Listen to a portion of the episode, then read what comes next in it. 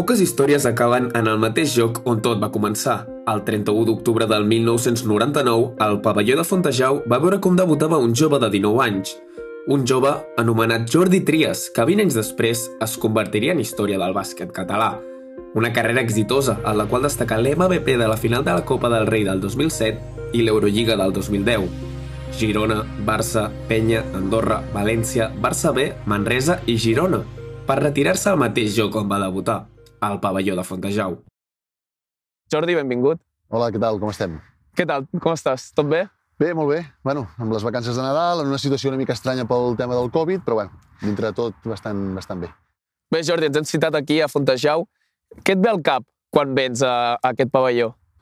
Sempre, sense excepció, quan eh, passo per aquí, encara que sigui només a la gespa ja, em venen molts records. Aquí també recordo que les pretemporades eh, corrien per aquí, bueno, records de, sobretot de, de molta il·lusió que tenia per intentar fer-me un nom en el món del bàsquet i, i encara a vegades em posa la pell de gallina, no? Pensar-hi?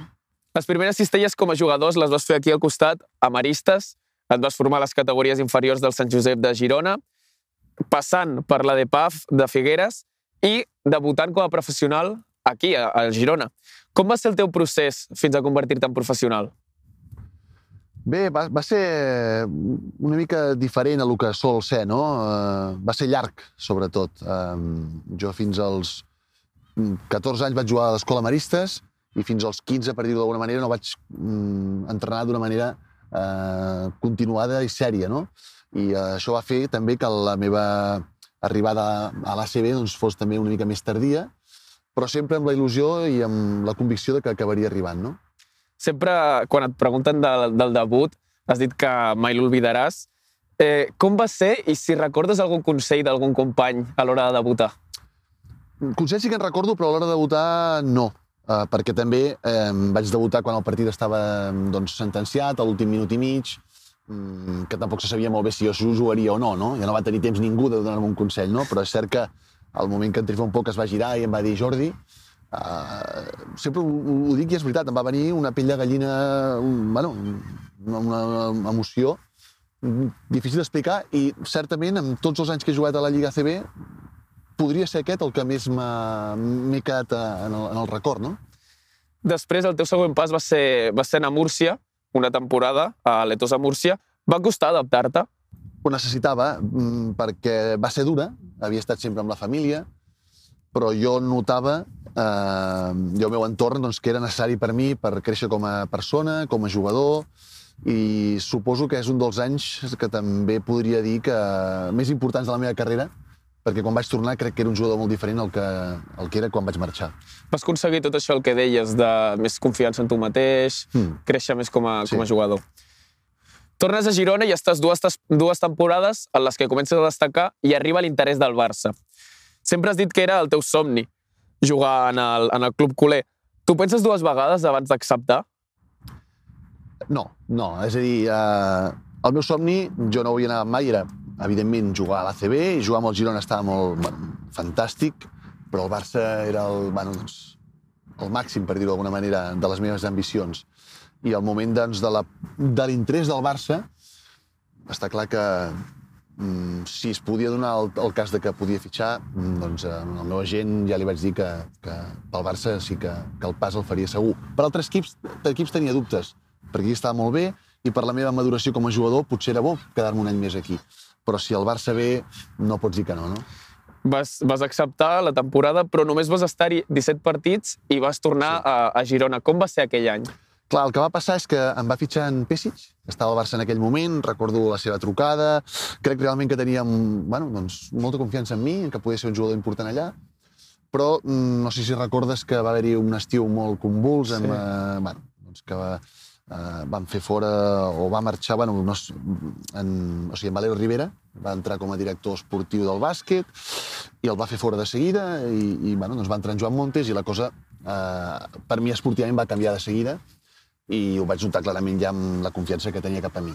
Per tant, va arribar després l'opció de Girona d'anar cedit fins a final de temporada i la vam acceptar i, i bueno, crec que em va anar bé. Em va anar bé tornar aquí a Girona, jugar molts minuts per tornar ja al Barça, doncs eh, encara doncs, crec que millor jugador.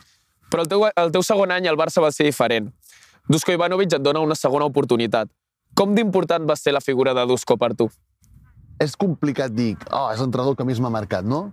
Perquè n'hi ha hagut molts, però el que m'ha arribat a portar al límit, per dir-ho d'alguna manera, va ser ell.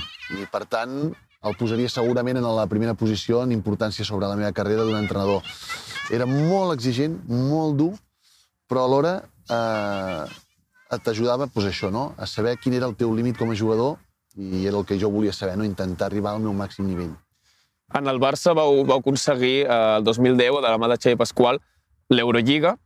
En una entrevista, eh, en Xavi Pasqual deia que aquell Barça era un dels tres millors equips de, de la història d'Europa. De, Com era aquell grup? Era un equip que mm, costava trobar-li punts febles, eh, tant de qualitat com d'exigència, com de companyerisme. Eh, jo sempre dic que fins aquest any mm, sempre deia que quan es parla molt de que és molt important fer unió en un vestuari, eh, jo deia que tampoc era tan important, perquè al final jo sempre deia a mi porten bons jugadors eh, i bons entrenadors i, i guanyarem. No? Però aquest any, curiosament, de la meva carrera, el posaria com el primer de que hi havia més unió i més eh, amistat. De fet, el dia d'avui encara doncs, tenim una gran relació eh, i casualment és l'any que vam guanyar l'Eurolliga. Per tant, a partir d'allà canvio sempre una mica meu, el meu discurs i realment em vaig donar que la importància del vestuari és no important, sinó importantíssim. En una entrevista que et van fer com a jugador de la penya, deies que un dels entrenadors que més destacaves era Xavi Pasqual. Amb ell vas guanyar una Eurolliga i vas ser MVP de la final de Copa del 2007. Amb ell vas assolir el, el teu nivell més alt de joc? Amb qui? Amb en Xavi, amb en Xavi Pasqual? Jo diria que és amb Dusko Ivanovic, Dusko. realment. L'Ivanovic va ser el que em va donar més minuts, més importància. En Xavi Pasqual crec que és un gran entrenador, també el posaria entre els de dalt, um, però a mi individualment crec que em va ajudar més Ivanovic, ja que amb Xavi Pasqual vaig tenir menys minuts, menys importància. És veritat que hi havia un equip amb molta qualitat, eh, segurament dels dos o tres millors de la història del Barça, però eh, aquest eh, rang el posaria abans en, en, en Dusko Ivanovic. Arriba al final de la, de la teva etapa en, en el Barça, va ser dur eh, dia 10? Sí, sí, com a culer que sóc, eh, doncs home, saps que un dia arriba, no? Però sempre esperes que sigui el més tard possible. I bueno, em vaig anar pensant també que havia passat moltes coses bones allà, però el moment de marxar, lògicament, va ser una mica dur. Uh, perquè eh, també deixava molts amics, que al final eh, sobre clubs i tot podem parlar, però l'amistat i la gent que, que havia passat tanta estona, doncs és el que et queda, no? Després dels teus millors anys a nivell de títols, arribes a la penya en una situació de crisi del club. Eh, van haver-hi molts moments durs, però, a part, en aquella etapa, recordes alguna positiu? Sí, sens dubte. El primer any, per exemple, ens van classificar per la Copa del Rei, van fer una primera volta molt bona. Uh, el que és cert és que el tema econòmic uh, bueno, doncs, uh, pesava, uh, bueno, el joventut ho passava malament a l'hora de pagar les nòmines als jugadors, uh, no, l'equip estava, doncs, clar, uh, lògicament, uh, en aquest aspecte no és l'ideal per poder doncs, uh, uh, assolir les, els objectius, perquè no pots estar només concentrat en el Clar. que importa, que és l'esportiu, no? Bueno, en el que vols estar concentrat. Sí, sí però, sens dubte, tinc bons records del joventut, tot i que de la meva trajectòria no és, evidentment, l'equip que tinc més bon record de com em va anar. Sempre has destacat de, de la penya la, la cantera, com la treballaven. Què és el que més et va impactar? Mira, el que m'ha impactat més és ja des del primer dia, tu per anar a entrenar eh, doncs amb, el, bueno, amb el primer equip a, a la pista principal, doncs passes per les pistes annexes. annexes. I em cridava l'atenció que fos festiu, fos un dia diari, fos, fos qualsevol moment, sempre veies entrenadors eh, fent tècnica individual a jugadors de la cantera en qualsevol moment, Um, I aquí, allà ja te'n donaves compte que estaves en un club totalment volcat a, en la cantera, no? I, I realment és el que fa especial aquest club, que, que tenen doncs, aquesta, no diré obsessió, perquè obsessió sona malament i és el contrari, no? aquestes ganes de que la gent de la cantera pugui arribar a, a complir el somni de jugar a la penya. A mi una cosa que em va cridar molt l'atenció era l'anècdota que explicaves de quan vas anar a fer les proves a la penya, a Cadet, sí. que allà t'anaven separant, no? tu feies, deies sí. que tenies 90, t'anaven separant en grups, fins que només quedàveu dos. Eh, allà et vas donar compte que tenies alguna especial? Allà és on, te, per no sé si per primer cop, perquè costa dir el primer, no? però podria ser el primer cop que vaig pensar que, que sí, que, que si em veia gent important, d'un club important com el Joventut, possibilitats, és que realment doncs, els podia tenir. Jo, eh, bueno, és això que dius, no? Jo recordo que hi havia molta, molts nens i quan ens separaven jo sempre pensava, bueno, ara aquest és el grup que em toca doncs, eh, a dir adéu, perquè jo encara era el prim, però encara era descoordinat, poc fet, i hi havia nois que jugaven millor que jo. Però, bueno, doncs sempre veia que anava passant i al final doncs, eh, sí que és cert que, que em va donar un vot de confiança i cap a la meva persona per, per poder pensar que podia arribar. Bueno, i al final no es van equivocar. Uh... Bueno, al final doncs, eh, estic content de com ha anat i, i sí, sí, és, és curiós, perquè a més a més quan jo vaig arribar a la penya hi havia en Jordi Martí, que ara és el sí. director esportiu, i aquesta conversa doncs, la vaig tenir una mica amb ell, no? que, que recordava el dia de les proves, ell també se'n recordava de mi, um, i, i, que, i això, no? que, que, bueno, doncs que m'anava sorprenent el que anava passant totes les fases i que, bueno, doncs això, que em veien doncs, que tenia possibilitats en un futur, no en el present en aquell moment. Llavors, acaba la teva etapa a la penya, rescindint el contracte, i t'arriba una oferta de, si no recordo mal, de Teheran, pot ser? Correcte. Ja veig que estàs ben informat, eh? Sí, sí, sí. sí. sí. Has fet els deures. eh, em, em va cridar molt l'atenció perquè deies que t'oferien un, un dineral i com de prop vas estar d'acceptar-la? Mira, et seré franc. Vaig estar bastant a prop fins que vaig trucar a un jugador que, que, que hi havia jugat, que es, deia, que es diu Diego Fajardo, que havia estat a la Lliga CB, va estar a Itàlia, Um, I vaig pensar, Jordi, si guanyaràs diners allà, però no seràs feliç, no? La cultura d'allà, les coses que em deia, um, no m'hi veia. I al final doncs, vaig tirar per Andorra, que lògicament vaig cobrar menys diners, però pensava que seria més feliç i crec que em vaig, no em vaig equivocar. A part d'aquesta oferta de Teheran, vas tindre alguna altra oferta de fora d'Espanya? En aquest, en aquest instant? En, en, en, en la teva etapa. O sigui, si t'hagués agradat jugar algun any fora d'Espanya. Vaig tenir ofertes fora d'Espanya, època sobretot després de ser MVP de la Copa del Rei. Um, vaig tenir una oferta de Rússia en aquell moment, el Kimki. Mm. Um, però, francament, si algun moment he tingut ganes de jugar fora, va ser a les parts finals de la meva carrera, però llocs una mica més selectius, no Teheran, no Teheran que no m'ha cridat molt l'atenció però durant la meva trajectòria anterior jo tenia ganes de jugar al Barça i no em plantejava marxar. Arribes a Andorra on tornes a ser protagonista. MVP de l'Aleport, MVP de la Copa Princesa i l'ascens. Va ser un any de reivindicació. Sí, va ser un any de tornar-me a sentir, no sé si dir jugador, però a gust totalment amb la meva professió, sense que no importés res més que només fos el bàsquet. El joventut, per una cosa o per l'altra, em semblava que havia doncs, de... No sé si barallar-me és la paraula, però eh, està complementant altres coses que no només eren bàsquet, i amb l'Andorra vaig enfocar-me només en el bàsquet i em vaig sentir totalment eh, lliure i, i, i feliç de poder jugar a bàsquet i realment crec que vaig fer un gran any i, i va sortir tot ideal, rodó, perquè vam pujar, crec que vaig tenir un bon any, l'equip també, la meva dona i jo vam estar molt feliços a Andorra i un any dels macos de la meva carrera.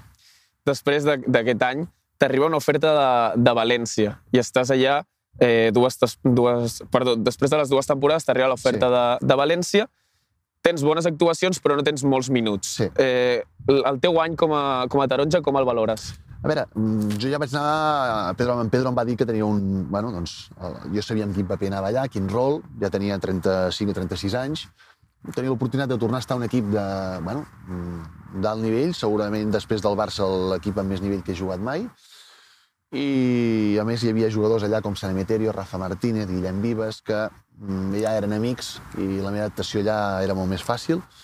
I també tinc un bon record, tot i que al final és cert que ningú m'enganya, jo sabia que anava allà amb un rol en menys minuts, però tot i així, el dia a dia se't fa complicat entrenar cada dia sense saber que al, al final del partit doncs, eh, tindràs la teva oportunitat eh, per jugar. No? Per tant, en aquest aspecte, al final ho vaig passar més malament del que em pensava que ho podia passar decideixes retornar a l'Aleport, en aquest cas amb el Barça B. Què et porta a prendre aquesta decisió? Sí, jo ja estava pensant en la retirada en aquest instant, eh, ja no volia marxar fora de casa, eh, en aquell moment ja tenia doncs, una filla, una altra estava en camí i volia quedar-me a prop. Mm, el Barça era aquell moment el que considerava més eh, adient, estar amb gent de la cantera, a un club on te, bueno, doncs, em sento molt identificat, i crec que va ser un any totalment diferent als altres anys que he tingut com a professional, amb una pressió diferent, més per ajudar els companys eh, i els joves a una mica a veure què és el professionalisme, que amb els resultats immediats. I, i bueno, doncs encara tinc doncs, contacte amb molts d'ells que, que, que vaig estar allà al Barça. No? Vas anar una mica amb aquesta idea de fer una mica de mentor pels joves? Sí, és el que volien de mi, no? una mica, que intentar doncs, guiar-los una mica en què és i com s'ha de treballar una mica eh, per arribar a ser doncs, professional. Aquell any em vaig rodejar, crec que abans que arribés en Víctor Sada, el més jove després de mi tenia 20 anys. Eh, clar, un estil totalment oposat del que jo havia viscut fins a llavors, però alhora, doncs, eh, per una part em vaig sentir una mica més vell, però per l'altra també és una experiència que recordo molt maca, i més ara veient que ells doncs, van eh, progressant les seves carreres i van tinguent doncs, papers importants, com ara és el cas d'en Sergi Martínez o en Kurucs, que està a l'NBA. Llavors, eh, jo dius, estàs a punt de retirar-te i hi ha una trucada que canvia, que canvia tot. En Romà Montanyez et diu d'anar al, al Manresa. Mm. Ho, ho afrontes una mica com el repte d'Andorra? Diferent. Aquesta ja m'arriba en una situació que jo ja no, espa... no plantejava. Jo ja volia estar, doncs, segurament, els meus últims anys al Barça i retirar-me. M'arriba l'opció a Manresa, que ja és un altre estil de pressió que parlàvem fa un moment, però em veig encara amb ganes de, de, de, bueno, doncs de, de tenir aquesta responsabilitat, a més també a prop de casa. Mm, en Roman em truca quan encara és ACB al Manresa, perquè estava en aquell moment no saber si és ACB o l'Eport, Uh, quan es, es fa oficial que és l'Eport, continua interessat en mi. Per mi també diu molt això que ja em volia ell com a jugador de CB. Per tant, al final ho acabo acceptant. I, bueno, Manresa el posaria en el top 3 d'anys de la meva carrera que he estat més feliç. Jo crec que serien... Eh, costa dir-ho, eh? Però el top 3 potser és perquè és més recent, però i tot com va anar. Però, bueno, tinc records i amics per tota la vida allà. Abans de començar aquella temporada amb el Manresa, confessaves que en l'hipotètic cas d'aconseguir l'ascens t'hagués agradat jugar una temporada a l'ACB, però al final no, no, no es va donar a terme. Quin va ser el, el motiu principal? Uh, ells, no, ells ja no comptaven amb mi mm, per jugar a l'ACB. Va entrar un altre entrenador, uh, en Joan Penyarroia, m'hi porto molt bé, però, mm, bueno, a veure, ells realment creien que podia portar, des, o sigui, sense jugar, estar a l'equip. Mm, jo també, amb l'edat que tenia, ja jugava totalment per disfrutar. Mm, no em veia, doncs, també en aquest paper i ells realment creien que ja no tocava un paper més important i segurament tenien raó. Jo també, potser amb 37-38 anys, eh, potser realment jo tampoc volia jugar en aquell moment. Però ja realment la proposta en si de mm, voler-me per realment un paper mínimament important tampoc hi va ser. Llavors, un altre cop amb la idea de, de retirar-te i arriba una altra trucada, en aquest cas a, a Marc Gasol, per proposar-te un any a l'Eplat aquí al, al, al Girona. Sí, realment aquesta és la, la vegada que vaig estar ja més a punt de retirar-me, no vaig començar la temporada amb cap equip, uh, i bueno, en Marc em va doncs, trucar i bueno, hi ha missatges constantment, uh, bueno, em volia molt a, a l'equip. Mm, jo aquest, aquesta base sí que és veritat que tenia molts dubtes, mm, a més amb un estiu ja tan llarg de, de no començar la temporada. I bé, vam quedar que aniria a entrenar amb l'equip i a partir d'aquí doncs, ja decidiria. Vaig entrenar amb l'equip, vaig trobar un equip que era molt maco, amb bons nois, bona gent i finalment vaig accedir a, doncs, a jugar l'última temporada aquí a Girona. Havent viscut la desaparició del Girona a l'elit del bàsquet, t'havies imaginat mai retirar-te aquí? Clar, després d'haver viscut aquesta desaparició, eh, no. Abans sí, no? Abans sempre pensava, quan estava a la CEO, m'agradaria doncs, acabar aquí a Girona, com vaig començar, no? Que, ostres, sempre jugar davant de la teva gent, eh, amics a la grada, família, doncs, eh, bueno, és maco, no? I ara realment ho vaig poder doncs, viure. I, I, bueno, crec que és una bona manera de tancar el cercle, no? Bueno, vas acceptar l'any, però, però a l'Ale Plata, però si una cosa no canvia és el teu gent competidor i vas fer una, una gran temporada. No t'oreixo, vaig intentar-ho. El que ja costava més, perquè cada vegada, doncs, com passen els anys, costava molt més doncs, eh, bueno, tot el tema de preparar-me pels partits, físicament, però vaig fer un esforç i crec doncs, bueno, que vaig ajudar el que vaig poder. A nivell físic, com vas adaptar l'evolució del teu cos? Sí, jo crec que és d'una manera natural el cos i la ment és com si s'entenguessin mútuament, no? Veus que el físic va cada vegada baixant eh, i, i has de, doncs, de, de buscar maneres doncs, per continuar sent productiu i crec que bueno, el meu, la meva manera de joc i el meu estil de joc i les meves virtuts es van adaptar una mica a això, no? Pues que més, eh, llegir més bé el joc, tenir més lectura, sabent que ja no podia doncs, córrer al camp com ho feia temps enrere, o saltar com feia temps enrere. Coneixent en Marc, eh, vas dir que, que no t'estranyava gens que es retirés aquí en el Girona. Ho continuo duient. El veus, el veus aquí retirant-se? Jo crec que sí. Jo crec que sí. També és veritat que s'ha de veure com està ell físicament, però estic convençut que ell vol fer-ho.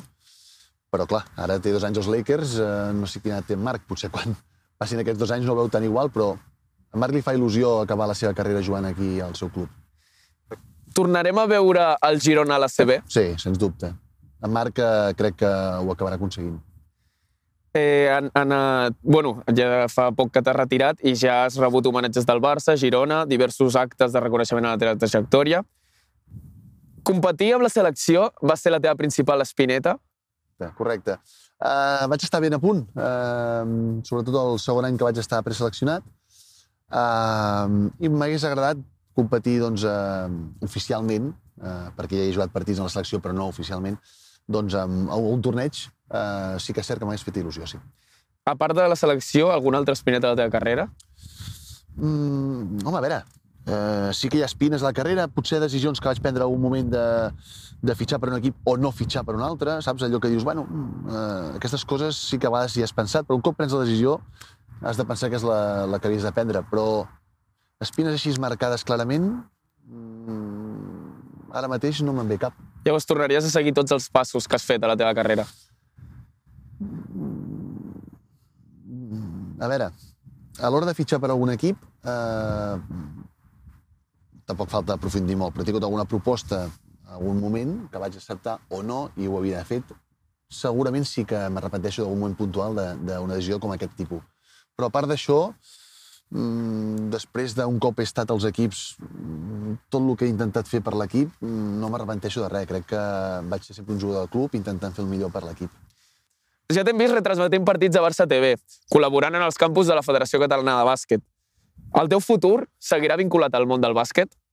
A veure, ara intento una mica doncs, agafar-m'ho des d'una mica més eh, lluny no? i, i fer un plan doncs, totalment hobby i coses que només em vinguin de gust amb el tema del bàsquet, no? I el tema de la...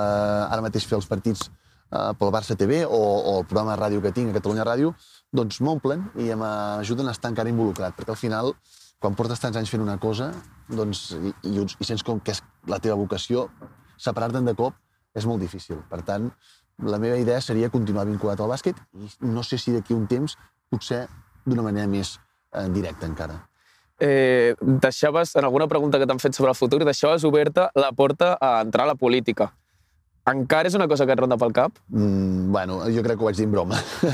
em donaven... Érem, potser que... On tu vas... Uh, a, a una entrevista a l'esportiu. A l'esportiu. Bueno, a veure, uh, era en plan de si això podia portar d'una manera directa uh, el tema doncs, de l'independentisme, que jo realment m'agradaria poder assolir la independència d'una manera ordenada, això sí que és cert, amb un referèndum ben fet, però jo tampoc crec que tingui les qualitats per ser un bon polític. Però si, si et donessin algun, algun paper en algun partit, acceptaries? Depèn de la importància que tingués en, aquesta, doncs en aquest paper, no? Mm, si és per un tema de portar eh, com un gra de sorra, sí. Si és per involucrar-m'hi massa, crec que no sóc la persona ideal perquè, com et dic, no tinc cap experiència política. Bueno, doncs fins aquí l'entrevista. Moltes gràcies, Jordi, per acollir-nos. Ha estat un, un plaer i, i bueno, espero que, que et vagi tot molt bé i que ens veiem aviat. El mateix dic, espero que us aneu expandint amb el tema de, de l'últim quart i ja us aniria seguint. Una abraçada. Moltes gràcies.